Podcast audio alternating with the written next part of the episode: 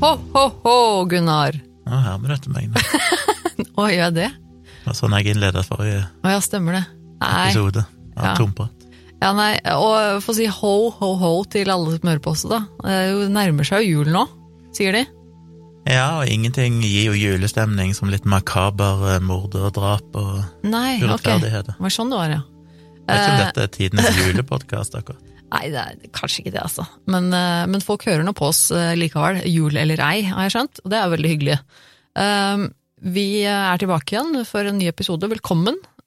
Og vi Jeg har ikke peiling på hva vi skal snakke om i dag, for jeg gikk tur med hunden, og så kom jeg tilbake, og så plutselig var du klar med en episode. Så det, det var jo overraskende. Fint, det, for så vidt. Så jeg er litt spent, egentlig, på hva vi skal snakke om i dag. Eh, Men før jeg slipper deg løs på dagens sak, Gunnar, så skal jeg minne våre kjære lyttere om at vi har en mailadresse som vi Ja, vi har fortsatt en mailadresse. Det er virkeliggrusomt at gmail.com. Og der eh, samler det seg eh, tips fra dere lyttere, det samler seg eh, noen sånn ris og ros og sånn, som vi syns er veldig kult å, å få. Og så har vi denne beryktede, berømte, fantastiske Facebook-siden vår, da. Som eh, vi legger ut bilder og linker til hver eh, episode. Du kan gå inn der og kommentere også gjerne hva du tenkte etter å ha hørt denne episoden her. Det er litt gøy, syns vi, å lese. Og så eh, nå har det faktisk hendt seg at du og jeg også har livestreamet på den Facebook-kanalen vår, for vi har jo faktisk en eh, semi-ukentlig livestream med Gunnar og jeg, eh, som for så vidt ikke har noe med podkasten å gjøre, men som vi har bare tatt oss frihet til å eh, dele med dere på Facebook-siden. Og det er faktisk noen som har sagt at de syns det var ganske gøy. Men ja, jeg skal slutte å jafre av gårde. Jeg skal slippe deg løs, Gunnar. Hva er det vi skal begi oss ut på i dag? Rett og slett et lyttertips som jeg tror vi fikk i dag, faktisk, Mm. på mail. I dag eller i går. Jeg lurer på om jeg har fått det tidligere òg, litt usikker. Men det er for så vidt en kjent sak av Som er litt spesiell, kanskje, fordi det er to grusomheter her. Og ja, men så kommer jeg litt tilbake igjen til alle nyansene, selvfølgelig. Men historien er jo noenlunde gammel. Vi skal 80 år tilbake i tid, omtrent Mm. eller iallfall til 1944, i USA, i en liten landsby, må man vel kunne kalle det, med ikke så mange innbyggere, jeg tror det var rundt 1700 innbyggere eller sånn, som bodde der på det tidspunktet, og var veldig mange færre i dag. Færre Færre i dag? Ja. Oh, ja. Det er en sånn plass som sikkert er blitt fraflytta og ja. stort sett utdødd. Eh, En liten plass som heter Alcolu, Alcolu, Al Alcolu, Alcolo. i South, South Carolina, Ja. Sør-Carolina, i USA. Eh, tilbake i 1944 så bodde der eh, dette var jo en, en Det som er viktig i konteksten her, er jo selvfølgelig at dette var under Jim Crow-perioden i USA, som jo i, i praksis betyr at det var segregering, det var en slags eh, Det vi kanskje her ofte tenker mer på som apartheid i fra Sør-Afrika. Mm. I praksis var det jo sånn i lovverket at svarte og hvite var atskilt. Svarte og hvite hadde separate restauranter, de måtte sitte på forskjellige plasser i bussene, offentlig transport. De hadde forskjellige drikkefontener, de hadde forskjellige skoler. Alt var liksom delt, rett og slett. Og svarte hadde jo ja, det, ble jo I teorien så var de vel like, men atskilte, på en måte. Sånn teknisk sett så skulle de være likestilte, men de var jo selvfølgelig på ingen slags måte det. Det er altså så drøyt å tenke på nå, tilbake Det at det var sånn. Etter, altså, at loven var, var skrevet sånn at de Ja, det var en rasistisk helt- lov som liksom varte fram til Den ble vel endelig liksom egentlig avvikla midt på 60-tallet, Det er altså så sprøtt. men fram til midten av 60-tallet liksom så var svarte i, i USA atskilt ifra hvite. Det, ja, det, Det er vilt. det er ganske ekstremt. Så det er det som er konteksten her. Det var gjerne da helt svarte bydeler og, og hvite bydeler og sånn. En bydde ikke sammen og alt mulig sånn. Mm. Så George, George Stinney, eller George uh, Han hadde et mellomnavn som var Junius. George Junius Stinney junior. Junius. Ja. George Junius Stinney junior, som Nei, ble nei. født 21. oktober 1929. Han bodde jo i denne lille plassen, da, Alcaloo, med familien sin. Han hadde en far som heter George Stinney senior, da. Mora heter Amy. Han hadde noen brødre som var John, som på det tidspunktet var 17 år gammel, Charles, som var 12, og så hadde han to søstre, Catherine, som var 10, og ei søster som heter Amy, som var 7. Så mora og yngste søstera hadde jo samme navn, Mm. og han og faren hadde samme navn, så det var jo Ja. eh, tradisjoner der. Ja. Eh, George Stinney var sjøl 14 år i 1944. Faren til George, som jo heter George, han jobba eh, på sagbruket i byen, og det betyr jo at familien bodde i et hus som tilhørte dette selskapet som faren jobba i, så de hadde på en måte eh, ja, boliger til de ansatte. Og det var en veldig liten plass, som sagt, og det var atskilt eh, mellom hvite og svarte, gjerne da med, med jernbanen, så på den ene sida av jernbanelinjene så bodde det bare svarte, på den andre sida så bodde det bare hvite. Så det var helt, helt separat. Men veldig typisk liten sørstatsby, eller landsby, på den tida. Og igjen, husk på, alt var segregert. Forskjellige skoler, forskjellige kirker, alt dette her. Mm. Så, en tragisk dag, 23. mars 1944, så ble det plutselig funnet to lik av to små jenter, Betty June Binnicker og Mary Emma Thames, som ble funnet, de var vel ti og elleve år eller noe sånt, gamle. Eh, De hadde jo da blitt etterlyst, for de hadde ikke kommet hjem kvelden før, foreldrene ble naturlig nok bekymra, og mange stilte opp i denne byen for å prøve å finne dem. Og de ble til slutt funnet da på den svarte, eller den afrikanske-amerikanske sida av Alkolu. Mm. Ble funnet i det svarte bydelen. For dette var hvite jenter. Det var to hvite jenter, ja. Eh, Og blant annet George Stinney, både senior og junior, eh, var med i dette leidemannskapet. Eh, Da de fant jentene, så fant de de veldig forslått, maltraktert. Eh, Hodeskallene deres var mer eller mindre knust. De hadde blitt eh, ja, rett og slett slått mye med det som ble regna for å være en eller annen eh, stump metallgjenstand. Kanskje da en sånn railroad spike, altså en sånn spiker, eller hva kaller du det? Hva var det? Ja, sånn en pigg som de brukte å feste jernbanen med, vel. Banka ned sånn svære 30 centimeter lange lange pigger eller spikere, si, av metall som var tunge og store, og ja. så så vidt egna seg da som et slagvåpen hvis du skulle gjøre noe sånt. Ja. Eh, mens de drev og lette etter disse jentene, så nevnte visstnok han George Stinney jr., altså denne gutten på 14, så nevnte han at ja, han hadde jo forresten sett disse jentene dagen før. Og historien der var at han og søstera hadde vært hjemme i hagen, og så hadde disse to jentene kommet syklende forbi og spurt om de visste hvor det gikk an å finne maypops, som er en slags eh, ja, en slags frukt som du plukker ifra noen, eh, noen tre. Mm. Eh, og de hadde vel svart at eh, nei, det visste de ikke, og jentene hadde sykla videre. Og det var det, det var det han hadde sagt. Men det førte òg til da at dagen etterpå så kom politiet til boligen. Foreldrene til George og Amy var ikke hjemme, så de to var der alene, og allikevel så kommer politiet da, setter håndjern på han og tar han med seg. Av gårde.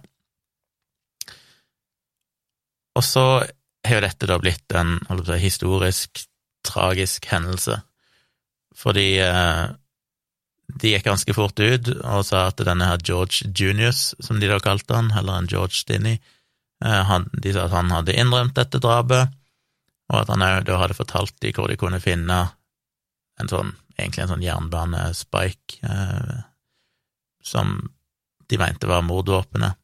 Ah. Så det var det de da hadde.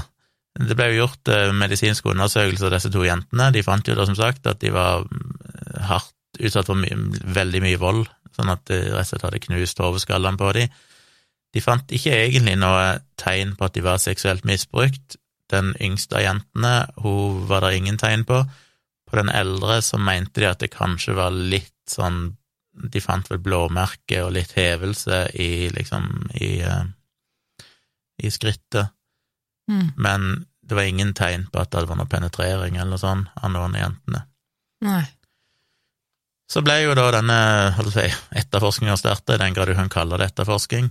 Eh, I utgangspunktet så kom altså politiet og arresterte George, men også broren hans, John, han eldre broren.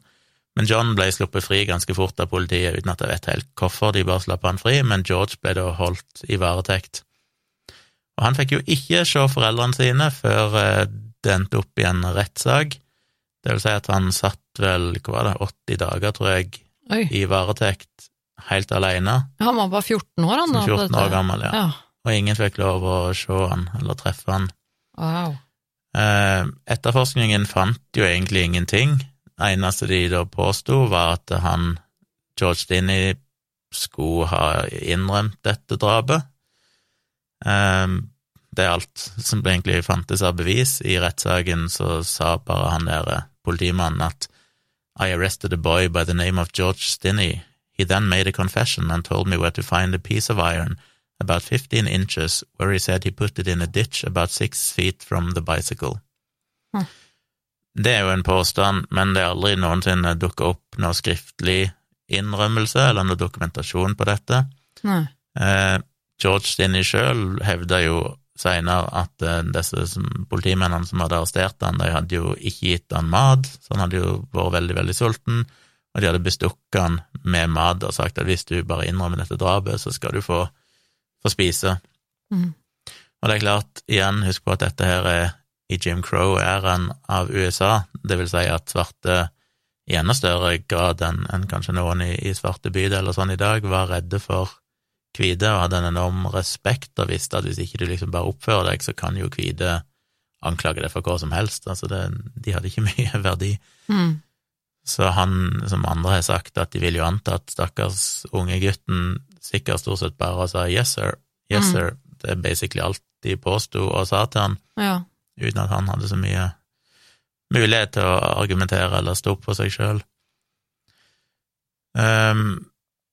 så hadde jo dette konsekvenser for resten av familien òg, fordi etter at eh, George Stinney ble arrestert og satt i varetekt, så mista faren jobben. Han ble sparka grunn at eh, firmaet ville ikke ha noe med han å gjøre, siden da sønnen da var en morder.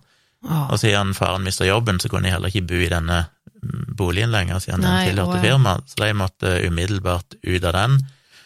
Og de ble jo òg utsatt for eh, ja, forfølgelse, da, så de var redde heksejakt. Eh, Folk kom jo og egentlig ville ta de, så de måtte rett og slett bare flytte ut av byen. Og noen av disse søsknene har iallfall sagt i seinere tid at de aldri noensinne siden den dagen har vært tilbake igjen i denne, denne landsbyen. Så de måtte jo bare stikke av gårde, for de var redd for å bli lynsja, rett og slett, hvis de, hvis de ble der. Mm. George Stinney sin eh, holdt på å si, hva heter det, ikke Altså, etterforskninga han var jo ikke spesielt god. Han, selv om det sjette grunnlovstillegget i amerikansk lov allerede på det tidspunktet sa at eh, hvis du ble sikta for en kriminell handling, så hadde du rett på advokat, så ble egentlig ikke det fulgt opp noe særlig godt før ut på 60-tallet en gang. Så George Dinney han ble jo da avhørt uten at det var noen form for advokat til stede som kunne mm, passe på hans sine rettigheter. Mm. Så kom jo rettssaken til slutt. Det tok ikke så veldig lang tid, det heller. Det var jo bare mindre enn tre måneder etter at han ble arrestert, så starta rettssaken. Den eh, varte mindre enn en dag. Det vil si at hele rettssaken, inklusiv det å velge ut jury, varte mindre enn en dag.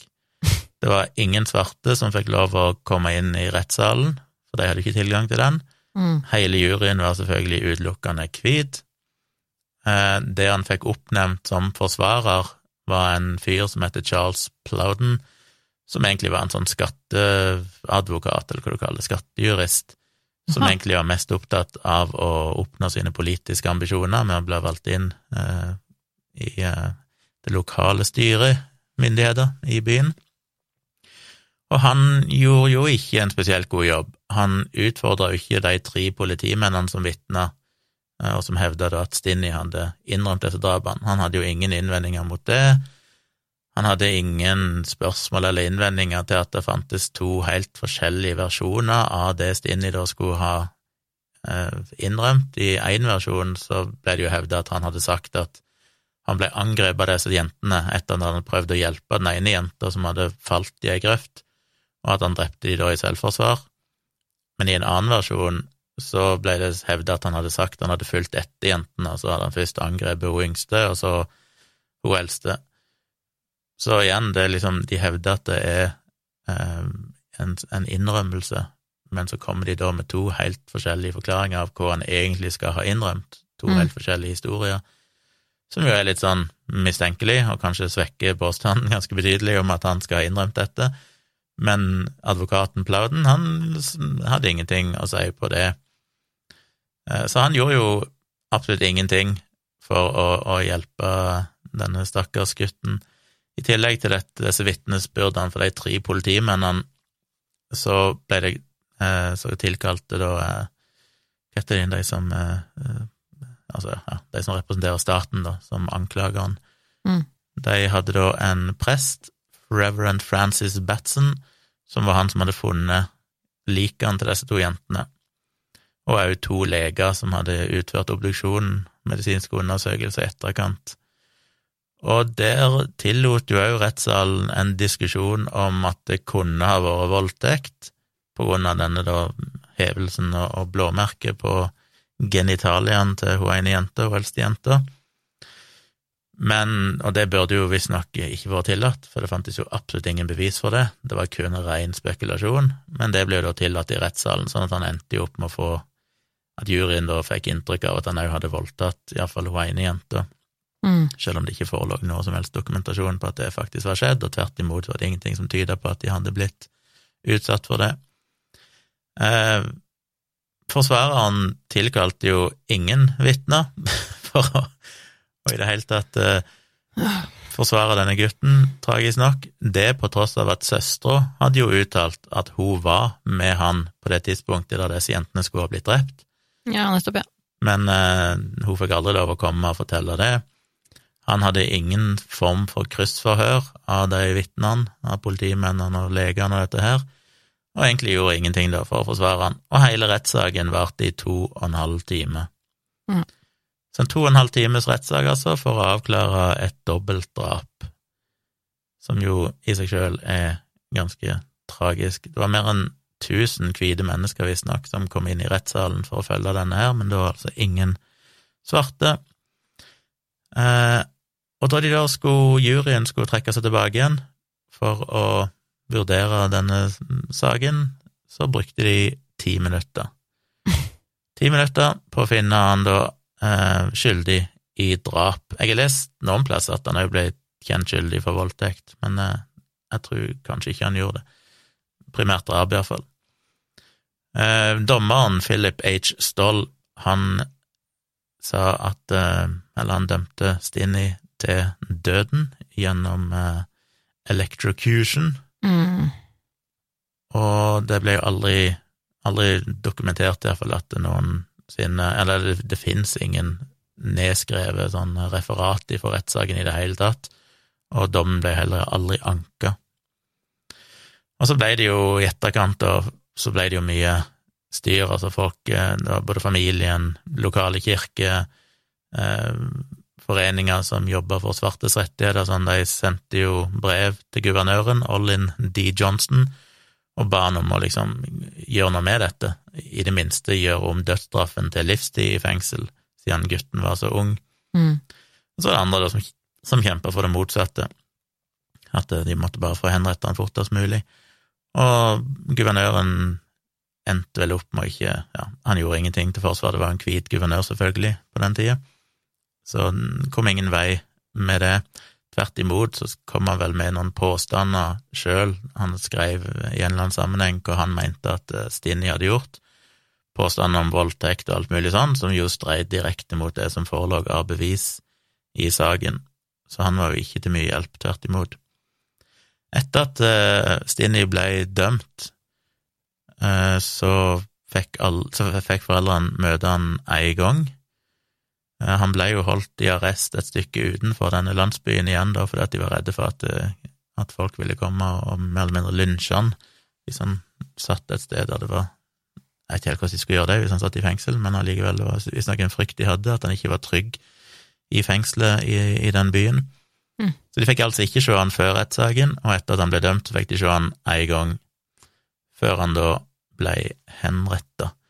Og han ble henretta den 16. juni 1944, klokka halv åtte på kvelden. Han ble eh, satt i den elektriske stolen, og siden han var så liten, den elektriske stolen er jo bygd for voksne mennesker, så han måtte sitte på en bibel for å komme høyt nok opp. Han ble jo da festa fast, altså armer, bein og kroppen ble da festa, stroppa til stolen. Mm. Faren hans fikk lov å gå opp der en gang og bare si noen siste ord til sønnen, og en politimann spurte George om han hadde noen siste ord å si sjøl, men han bare rista på hodet.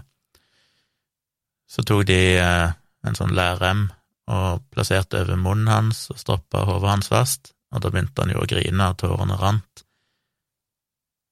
Og så tok de ei maske over ansiktet hans, som jo òg var beregna på voksne, så den passa jo ikke, en sånn hette.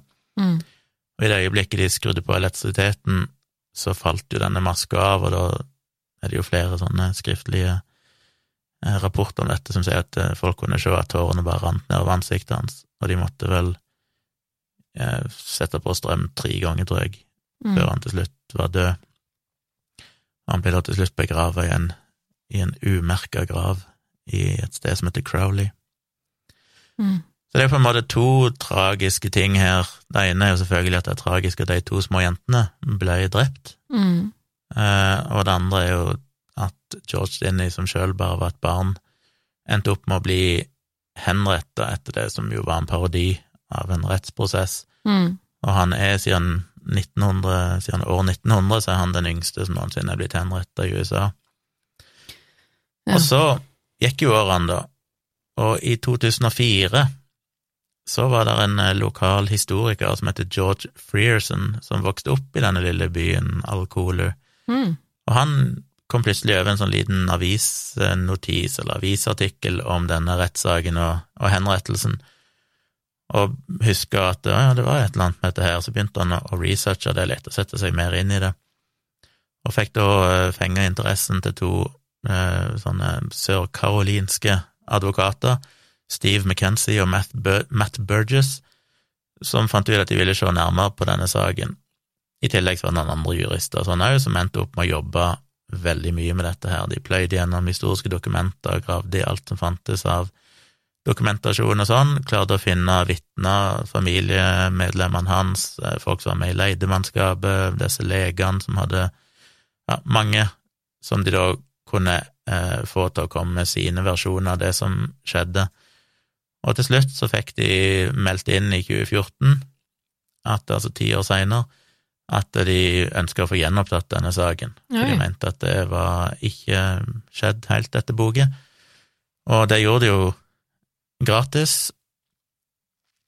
og da eh, Ja, det var faktisk høsten 2013 da opprinnelig de sendte inn, og da skrev de eller sa de if we can get the case reopened, we can go to the judge and say there wasn't any reason to convict this child. There was no evidence to present to the jury.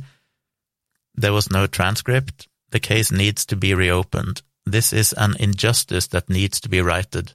I'm hmm. pretty optimistic that if we can get the witnesses we need to come forward, we will be successful in court. We hopefully have a witness, witness that's going to say, that's non-family, non-relative witness, who's going to be able to tie all this in and say they were basically an alibi witness. They were there with Mrs. Stinney, and this did not occur. Så de håpte altså å finne vitner som sånn kunne mer eller mindre bevise at eh, George Stinney ikke kunne ha gjort dette fordi de faktisk var med han. Mm. Det gjorde de vel kanskje aldri. Eh, Det ble jo hevda på et eller annet tidspunkt at en eller annen fyr, uten at navnet eksisterer, tror jeg, skal ha innrømt drapet på disse to jentene rett før han døde, men det er ikke helt sikkert om det er altså en sånn deathbed confession. Det er vel aldri blitt dokumentert i seinere tid. Men det som har kommet fram, da, og som ikke kom fram under den rettssaken, er jo da blant annet at søstera, Amy, faktisk eh, hevda og sa hele tida, jeg har sagt det helt siden 1944, at hun var sammen med han når disse jentene skal ha blitt drept, så han kan ikke ha gjort det. Mm. I tillegg så viser det seg òg at han presten som fant de, eller han reverend Francis Batson, han sa jo at det var egentlig ikke noe blod eh, Mm. der de ble funnet. Det kan jo tyde på at de har blitt flyttet dit etter at de døde, da. Ja, og det er jo det som er antydningen her, og dette var en gutt som veide 40-50 kilo, han kan ikke ha klart å bære disse to jentene eh, et langt stykke, Mm. så kanskje de er blitt drept på et hvitt område, og så flytte over til den svarte delen av byen for å så gi Mm. svarte skylda for dette, det vet vi ikke. Og det er jo sikkert ikke en dum plan, det, av morderen, tenker jeg. Altså, ettersom det man vet om segregeringen og sånne ting på den tiden, så var det vel ikke helt uventet at den rettssaken skulle gå som den gjorde. Det var jo han Altså, han hadde jo ikke noe sjans, og de vil jo bare finne noe straffe for det som er skjedd, og da faller det seg vel naturlig for dem å skylde på de menneskene i samfunnet som er mindre verdt, da, som de gjerne vil bare bure inne. Ja, og de fant jo en, eh, en annen fyr som hadde sittet i fengsel sammen med eh, Eller sittet i varetekt når, når George Stinney satt i fengsel. Og han sa jo det, vitna om at eh, George Dinney hadde hele tida sagt at eh, politiet tvang han til å innrømme dette, Mm. men at han var uskyldig og Ja. ikke hadde gjort det.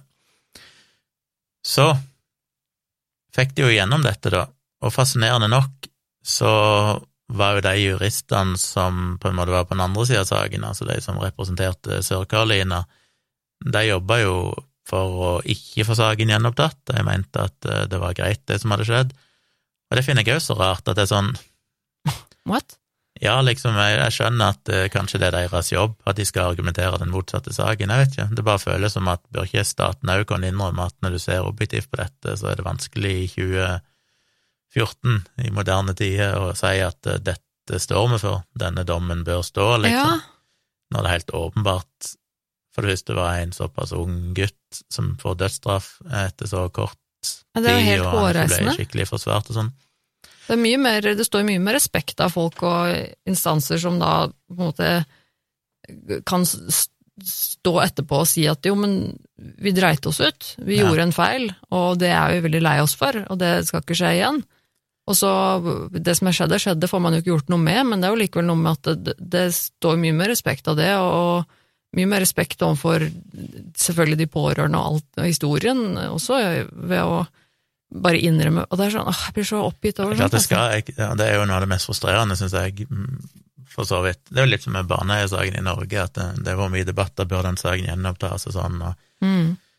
og det er komplisert, og det er vanskelig, liksom, for hvor setter du grenser? Du må ha en viss terskel for når saker som er så alvorlige, skal gjenopptas. Um, og den er jo sett i, ja, sånn som den der uh, podkasten, hva den heter, den mest nedlasta podkasten på det tidspunktet.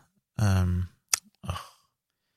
Om hva? den amerikanske podkasten med han der pakistanske gutten som ble sittet i fengsel for å ha drept ei klassevenninne i USA. Han uh, Saeed? Ja, han Saeed.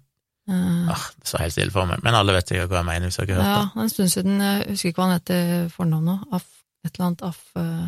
Det var mer eller mindre den podkasten som uh, eh, satte i gang podkast-crazen, holdt jeg på å si. Etter at eh, Ikke at det var den første podkasten, men etter den så ble jo podkast virkelig mm, populært.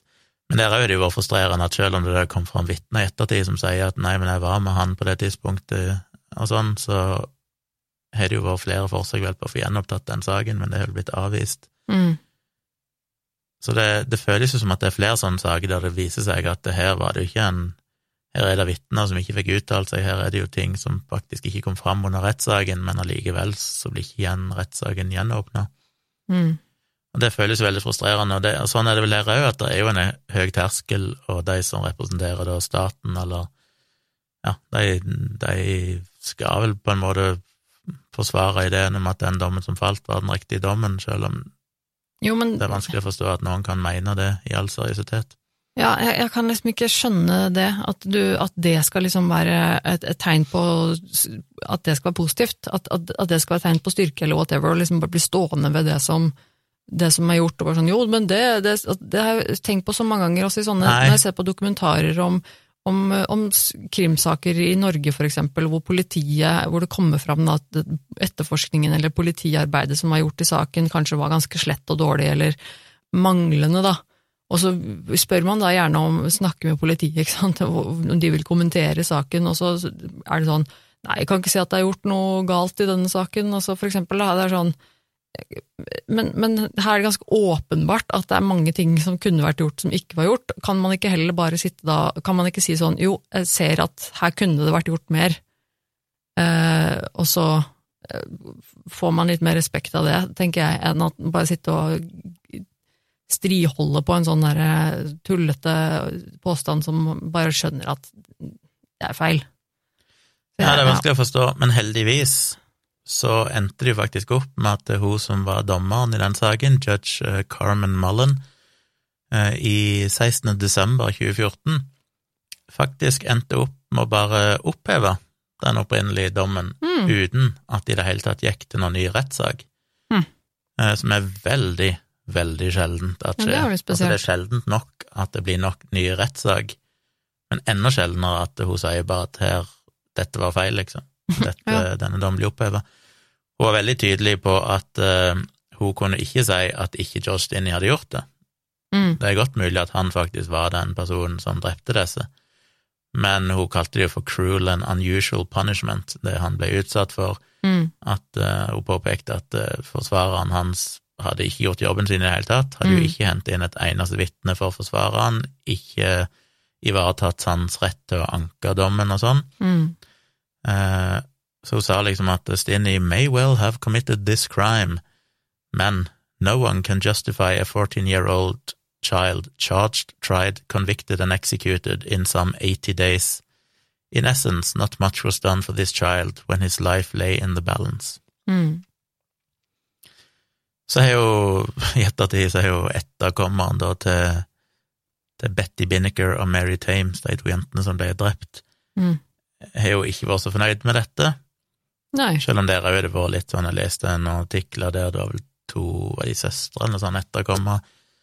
Der var ene var sånn, hun mente nei, han ble dømt til døden, og hvis det viser seg uten tvil at noen har gjort noe, så er det helt rett å dømme de til døden.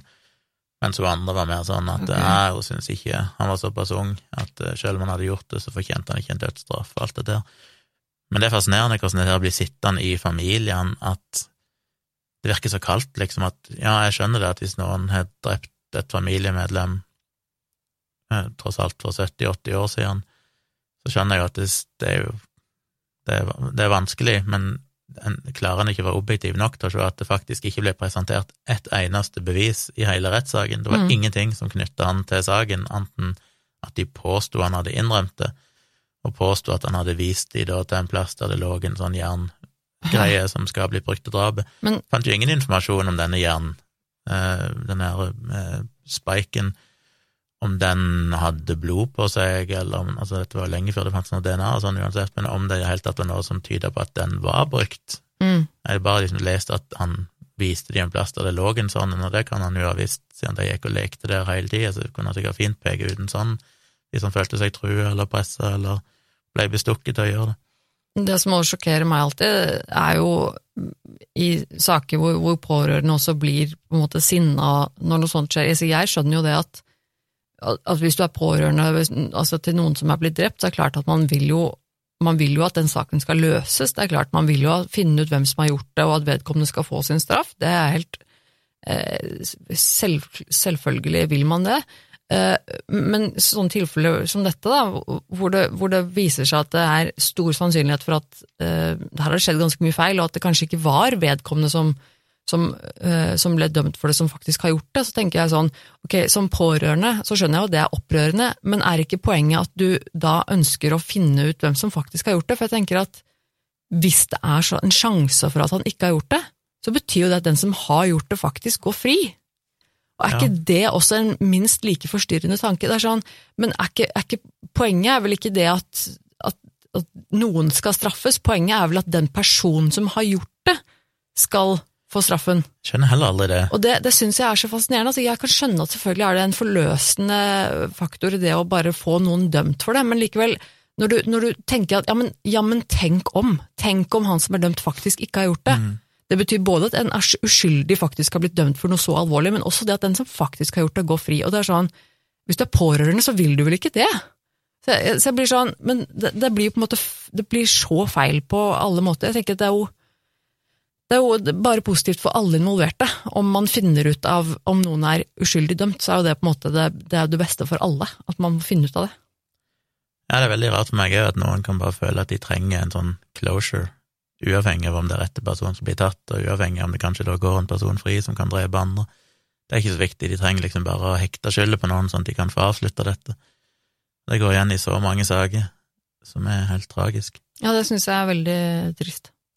Så det var egentlig, en, eh, det var egentlig historien. Jeg syns bare denne er litt annerledes, fordi at det er ikke bare tragisk Vi får ikke høre så mye om drapene av de to jentene. Det minner jo litt om tidligere historier vi har fortalt, med at unge jenter blir drept, Mm som er trist og tragisk, men så er det liksom en, en uh, dobbel greie her om at det er så trist og tragisk at en ung gutt ender opp med å faktisk bli drept av staten ja. for dette, uten å ha fått en skikkelig rettssak eller noen ting. Og som jeg ser det, da, også en tredje tragedie potensielt oppi her, er at den som faktisk har gjort det, går fri. Ja. Som det kanskje kan tyde på, da. Ja. Eh, det har jo kommet fram i ettertid, og det har vært mye debatter ut på 90 80-tallet, vel, så var det en av de tidligere lærerne til Josh Dinney som hadde hevda at han var egentlig en sånn trøblete gutt på skolen, og en eller annen gang så hadde han visst kommet i krangel med noen jenter og hadde rissa ei jente med kniv. Mm -hmm.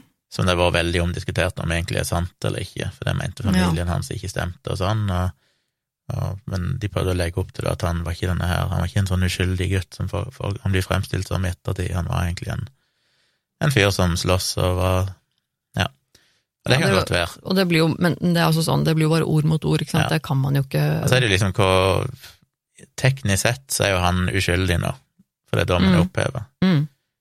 Samtidig så er det jo ikke lagt fram noe bevis som sier at han ikke gjorde det, fordi det var nesten litt sånn synd at det ikke ble gjennomført en ny rettssak. Mm. På en måte flott at de bare sier at ei, her er det så overbevisende, overveiende sannsynlig at denne rettssaken aldri ble gjennomført skikkelig, og dette holdt ikke vann, så den, bare, den dommen blir bare oppheva. Det er flott.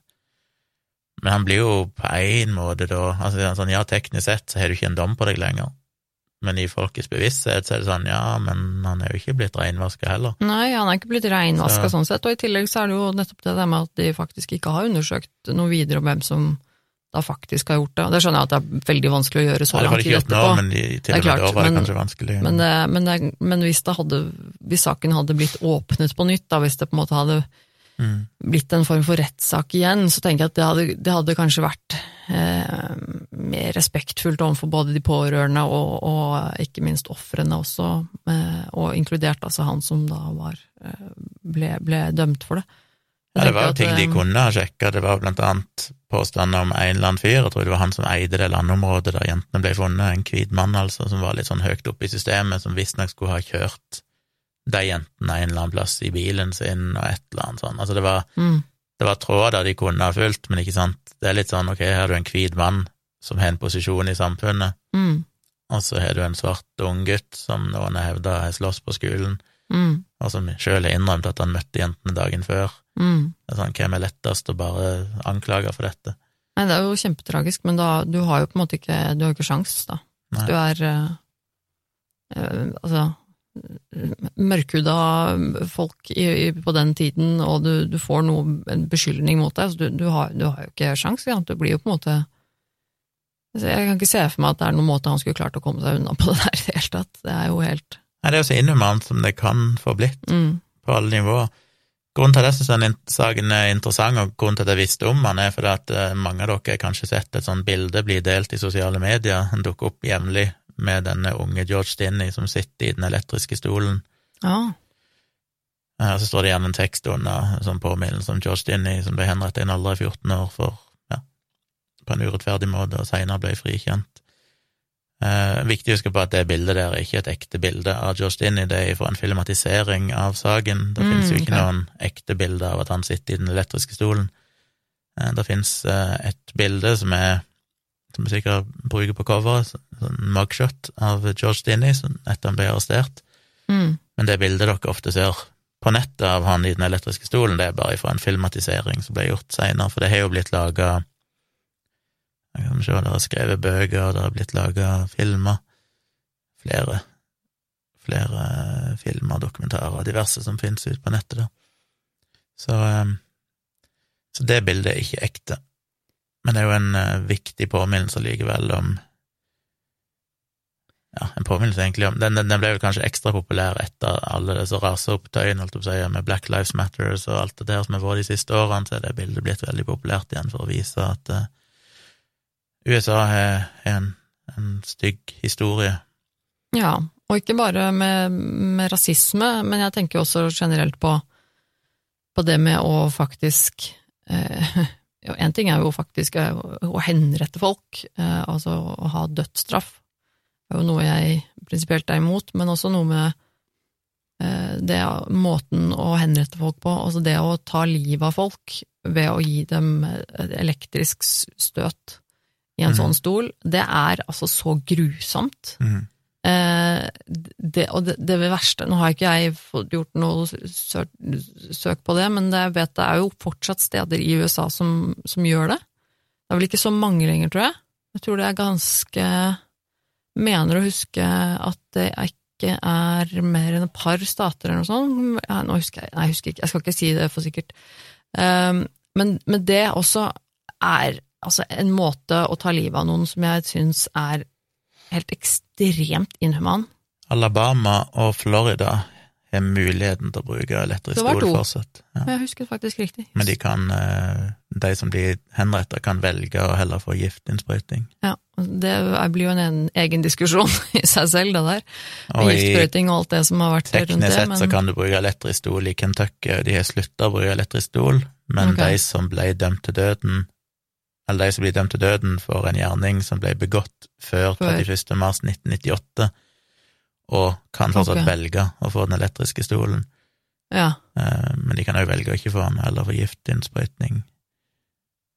Men eh, Men det, for det er altså ja. så mye som vi nå vet om hvor jævlig det er å dø på den måten, så syns jeg det er sjokkerende bare først sa det, i Arkansas, Arkansas, Arkansas, Mississippi, Oklahoma, så kan de jo fortsatt bruke elektrisk stol hvis andre typer av henrettelse blir sett på som uh, unconstitutional okay. på det tidspunktet de skal henrettes, som blant annet gift, henrettelse ved gift ofte blir, fordi de mener at det er inhumant og det er vanskelig å få tak på disse giftene, for du får ikke importert de og sånn lenger, så det, du kan faktisk bruke den elektriske stolen noen plasser hvis ikke det finnes andre muligheter der og da.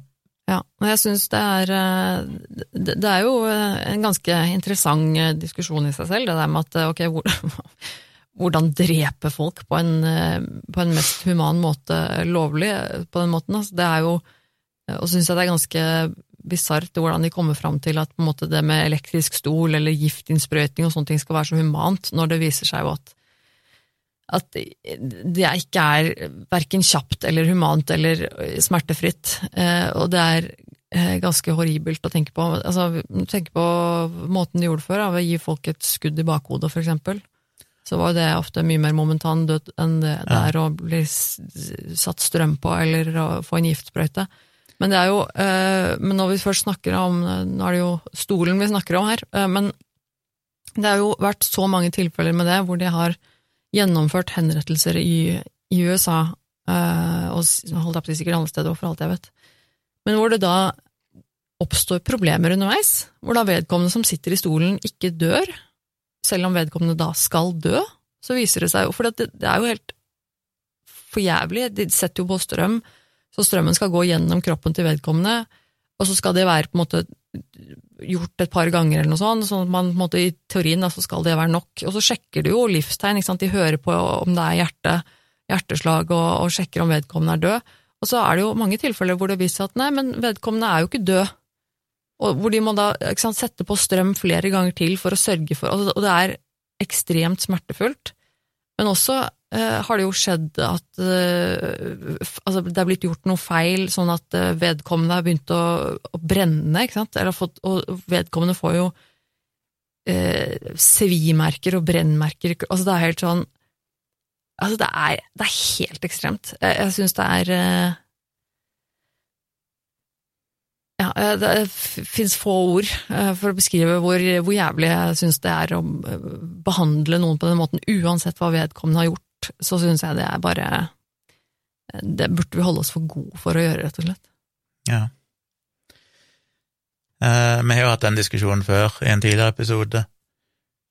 Eh, så jeg Ja, føler er jeg gjentar meg sjøl, men, eh, men poenget her er jo at de måtene vi henretter folk på i dag, som er da egentlig gift og elektrisk stol, eh, ja, iallfall i USA, da, er jo ikke for eh, det- blir fremstilt som at det skal være for humant for den som blir henrettet, men det handler jo egentlig bare om å beskytte de som må gjøre dette.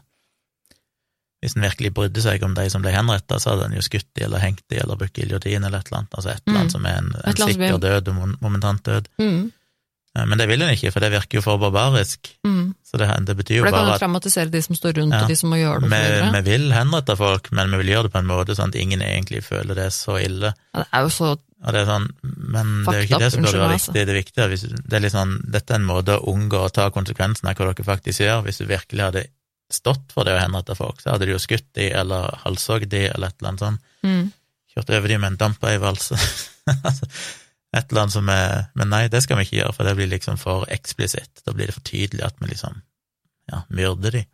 Ja. Men det å bruke gift eller elektrisk stol er liksom mer Det er sånn skånsomt nok for de Ja. som står rundt, og de som jobber med det, og de som må gjøre det og sånn, til at det er liksom greit og innafor å gjøre det. Men, men det spiller ingen rolle hvor mye den lider, den personen som skal, som skal dø av det. Det er driter vi jo i. og det er- og det- ja. Ja, det er helt forferdelig. Og det er litt sånn eh, Ja, men de som jobber med det, de skal måtte klare å utføre det uten å bli traumatisert. Eh, ja, ok, men uh, er ikke det litt spesielt? At det i det hele tatt er lov til å drepe noen da? Hvis det, det sånn, hvis du mener at det er problematisk at noen skal skyte noen i statens regi, så bør du kanskje revurdere om dødsstraff er den Ja, riktige straffen. Ja, kanskje, kanskje tenke gjennom det et par ganger til, da, om det faktisk eh, er greit å, å drepe noen i staten, statens regi. Nei, jeg syns det er uh, Ja, det kunne vi sikkert snakke om i evigheter. Men må jo rangere den her, da. Um, seks. Ja, jeg synes det er veldig vanskelig gi denne som det alltid er, men denne er jo så vanskelig fordi ja, det er to jenter som ble drept, men vi vet, og de ble jo slått i hæl ganske brutalt, som jo er ille nok Ja, i det seg sjøl. Men vi har liksom hørt så lite om det, det er ingen som vet noe om det.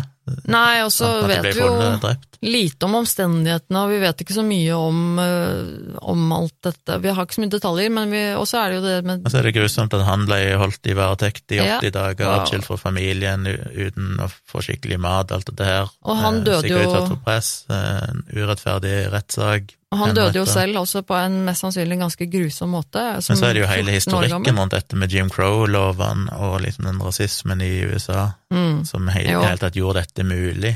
Som er jo sånn altoppslukende grotesk, altså- at det er jo ti av ti, bare det, liksom. Ja, altså skal man ta inn hele det, så blir det jo ti av ti. Altså, Men denne, er jo altså, jo... denne saken er jo blitt et slags symbol på det på mange måter. Altså, dette skal ikke kunne skje i en plass der det finnes noen som helst form for likestilling mellom hvite og svarte og sånn. Eh, Det er jo kun en rasistisk Ja, stat som gjorde at dette var mulig, å henrette en 14 år gammel gutt uten en rettssak. Ja. Skal... Og de ble jo påpekt, og i de som mente at han ikke burde få dødsstraff, så ble det påpekt at omtrent samtidig så var det jo en 16 år gammel hvit gutt som ble dømt for å ha voldtatt og drept ei jente eh, i 1944, og han fikk jo 20 år i fengsel eller noe sånt.